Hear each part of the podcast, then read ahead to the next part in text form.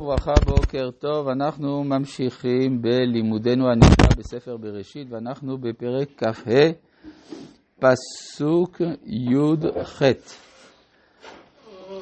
וישכנו מחבילה עד שור, אשר על פני מצרים, בואכה אשורה על פני כל אחיו נפל. אז מה זה וישכנו מחבילה עד שור?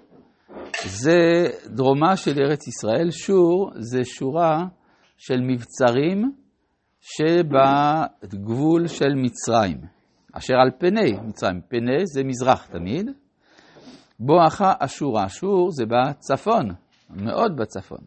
אני יודע שזה כמין רצועה שמקיפה את ארץ ישראל מצד מזרח. על פני כל אחיו נפל. מה פירוש נפל? שוכן. כן, כמו למשל, אה, כתוב אה, שנופלים בעמק, לא זוכר על איזה עם זה, נופלים בעמק, הכוונה שהם שוכנים שם. כן, ותיפול שבה ותיקחם. ותיפול, הכוונה התנחלה, כן, השתלטה. אז נפל, הכוונה שנמצא בסביבה.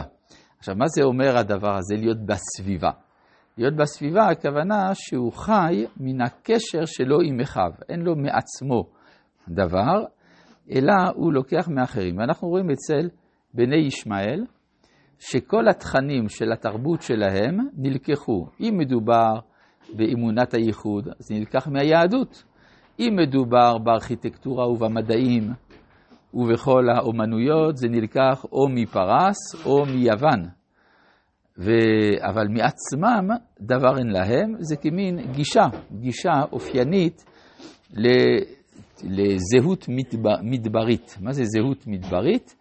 הערצה של המעמד של האדם כנכנע מול העוצמה של הבורא, ולכן אפשר לומר העניות שיש לכאורה בלא להיות בעל קניין בעצמו, היא מעלה מבחינתם. גם, ודאי, זה ממילא, היצר הרע הוא היצר הרע של גזל ואריות, של ביטול הגבולות. אה? לאו דווקא, זה גם בני קטורה. כן, כל אחד, זה כל בני קטורה גם. אה, יותר מאוחר. אנחנו רואים את זה מאוחר יותר, במהלך ההיסטוריה המאוחרת, הרבה אחרי התנ"ך, שגם בני ישמעאל פיתחו תרבות גבוהה, אבל לא משל עצמם, אלא פיתחו דברים שקיבלו מאחרים. למשל, אפילו אם תסתכל על כיפת הסלע, שהיא דבר מאוד יפה, כן, בהר הבית. זה בנוי על ידי אדריכלים ביזנטים, זה בזיליקה ביזנטית. כן? זה לא דברים שבאו מערב. אין להם קשר לכיפת הסלע, כיפת הזהב זה... כיפת הסלע אמרתי. כן, האם יש קשר לזהב? ודאי, מי בנה את זה? עבד אל מליק בנה את זה. הוא בנה את זה לכבוד בני ישראל, אבל מי בנה? טוב, אנחנו אם כן ממשיכים בפסוק הבא. כן? כן. שזה הישארות הנפש. כן.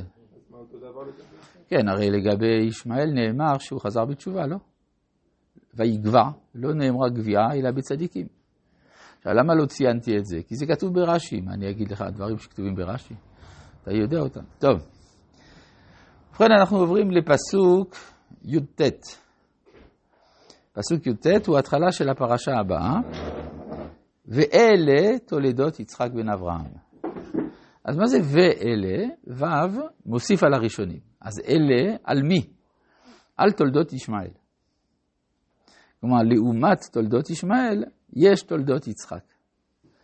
ואלה תולדות. יצחק בן אברהם. הביטוי הזה, תולדות, הוא זה שמעניק את השם לפרשה. לפרשה קוראים תולדות. אבל יש לנו גם פרשה אחרת, אלה תולדות נוח. ושם הפרשה נקראת על שם השם. ונוח, לא על תולדות. אז או שהיה צריך לקרוא לשתי הפרשיות תולדות, או לפרשה אחת נוח ולשנייה יצחק. אלא, מה כוונת המסורת בהענקה של השם תולדות? שאצל נוח, העיקר זה נוח, והתולדות תפלות. לעומת יצחק, שהעיקר זה התולדות, ויצחק תפל. מדוע? משום שהתולדות של נוח, אין בהם נצחיות. עיקר תולדותיהם של צדיקים, מעשים טובים. לכן נאמר, אלה תולדות נוח, נוח. זאת אומרת, נוח מוליד את עצמו. מה עם תולדותיו הביולוגיות? ויולד נוח שלושה בנים. אבל זה בא אחר כך. העיקר זה האישיות הפרטית, לא ההמשך ההיסטורי. לעומת יצחק, שהערך שלו כצדיק בטל לעומת הערך שלו כאבי האומה. לכן הפרשה נקראת על שם, על, על שם תולדותיו ולא על שמו. יותר מזה, יצחק הוא הראשון שקדוש בקדושת התולדות. כי הרי אברהם נולד לפני היותו אברהם. יצחק הוא הראשון שנולד מלכתחילה בתור בעל התולדות. והוא הראשון גם שנימול לשמונה. אז כל הדברים האלה נותנים מעמד מיוחד לתולדותיו של יצחק. וכאן יש חידוש לא מובן. ואלה תולדות יצחק בן אברהם. וכי לא ידענו שיצחק הוא בן אברהם. הרי זה יתברר בסופו של דבר, שיצחק הוא הבן של אברהם. כן, אלא זה בא לומר שיש תפקיד ליצחק והוא להיות בן אברהם. כן, כלומר זה לא רק שהשם שלו זה יצחק, השם שלו זה גם בן אברהם. עליך להיות ההמשך של אברהם, זה דבר בלתי אפשרי. הרי יצחק הוא צדיק של מידת הדין. אברהם צדיק של מידת החסד. איך יכול להיות צדיק שהוא מידת הדין שהוא בן מידת החסד? אלא זה בדיוק העניין, זה החידוש. שהמשימה של יצחק תהיה האיחוד של המידות. וכאן רש"י אומר דבר תמוה מאוד. ואלה תולדות יצחק בן אברהם, יעקב ועשיו האמורים בפרשה. זה ההפך הגמור מהפסוק עצמו. הפסוק לא אמר את זה, הפסוק אומר אברהם הוליד את יצחק. אז למה רש"י עושה כאילו זה לא כתוב, ואומר, אלה תולדות יצחק בן אברהם, יעקב ועשיו. התשובה היא שזה בדיוק העניין, בגלל שיצחק הוא הבן של אברהם, נולדים יעקב ועשיו. מדוע? משום שיצחק הוא מידת הדין, אז ברור שיהיה לו בן עשיו. אבל אברהם הוא מידת החסד, אז זה ברור שיש לו בן יעקב. וזה בא להסביר, כיוון שיצחק הוא הבן של אברהם, נולדו שני בנים בעלי אופי כל כך הופכי זה לזה. אחד כולו חסד והשני כולו דין. כן? אז זה, זה בעצם מה ש... אז רש"י צודק.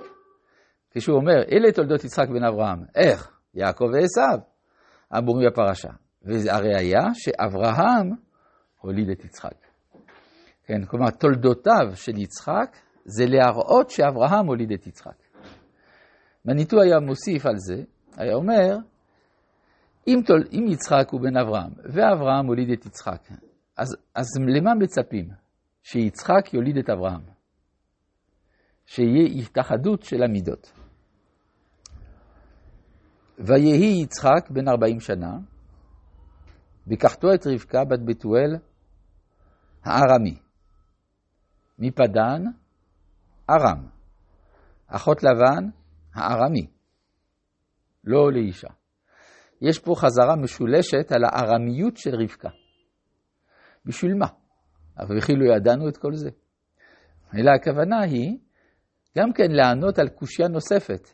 אם תולדות יצחק בן אברהם זה יעקב ועשיו, הרי גם יצחק וגם אברהם הם צדיקים. אז איך יוצא אחד שהוא צדיק והשני שהוא לא כזה צדיק? התשובה היא, בגלל, ש, בגלל שרבקה נושאת בקרבה משהו מהזהות הארמית. והדבר, הזהות הארמית עוד לא התבררה עד הסוף. גם אצל אברהם התברר חלק דרך ישמעאל, והגרעין נשאר אצל יצחק. גם אצל יצחק התברר משהו דרך יעקב, הגרעין, הגרעין נשאר אצל יעקב, והבירור נעשה על ידי עשיו. זאת אומרת, הארמיות היא הסיבה לעיכוב בהופעת הזהות הישראלית השלמה. וכל מה שאנחנו נלמד פרשת תולדות זה כיצד נבנית הזהות המאוחדת של אברהם ויצחק כאחד, על ידי יעקב שיהיה ישראל.